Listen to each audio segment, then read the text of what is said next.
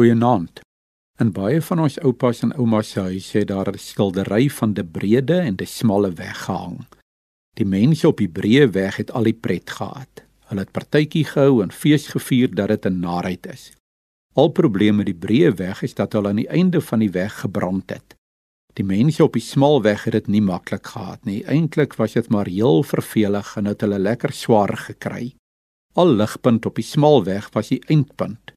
Die eindpunt was natuurlik die hemel. Die boodskap van die prent was baie duidelik. As jy hemel toe wil gaan, moet jy knor. Jy mag dit nie lekker hê nie. Jy gaan net daar kom as jy al die lekker dinge op die aarde gelos het, nooit gelag het nie en elke Sondag kerk toe gegaan het om na vervelige preke te luister en dit natuurlik sonder dat jy aan die slaap raak. Ek hoor van 'n ou wat so na die prent gestaan en kyk het en gesien het dat die twee paaie ergens op 'n plek redelik naby aan mekaar was.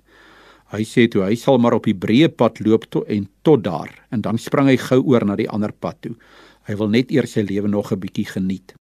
Nou natuurlik kan mens sommer met 'n stok aanvoel dat hierdie prentjie nie die taal van die Bybel praat nie. Wanneer mense Matteus 7 vers 13 en 14 lees, gaan deur die nou poort in, die poort wat na die verderf lei is wyd en die pad daarheen is breed en dit die wat daardeur ingaan is baie dan praat Jesus hier direk met die fariseërs wat in 'n reinheid godsdiens geglo het. Hulle het geglo God is rein en dat jy net by God kan uitkom as jy ook rein is en daarom het hulle honderde reëls gehad. Jy moet jou hande op 'n sekere manier was en jy moet jou kos op 'n sekere manier gaar maak. Jy mag nie aan onrein mense of onrein diere of onrein dinge raak nie en jy mag net sekere goed op 'n Sabbat doen hulle die mense laat glo dat dit God se reëls is en dat dit vir God belangrik is dat jy jou hande reg moet was voor jy eet en dat jy nie saam met sekere mense se sondaars en tollenaars mag eet nie en dat jy nie aan malaatses of straatkinders mag vat nie en dat jy niks met dooies of begrafplaase te doen mag hê nie. En toe kom Jesus en hy kom keer al hierdie wette op sy kop.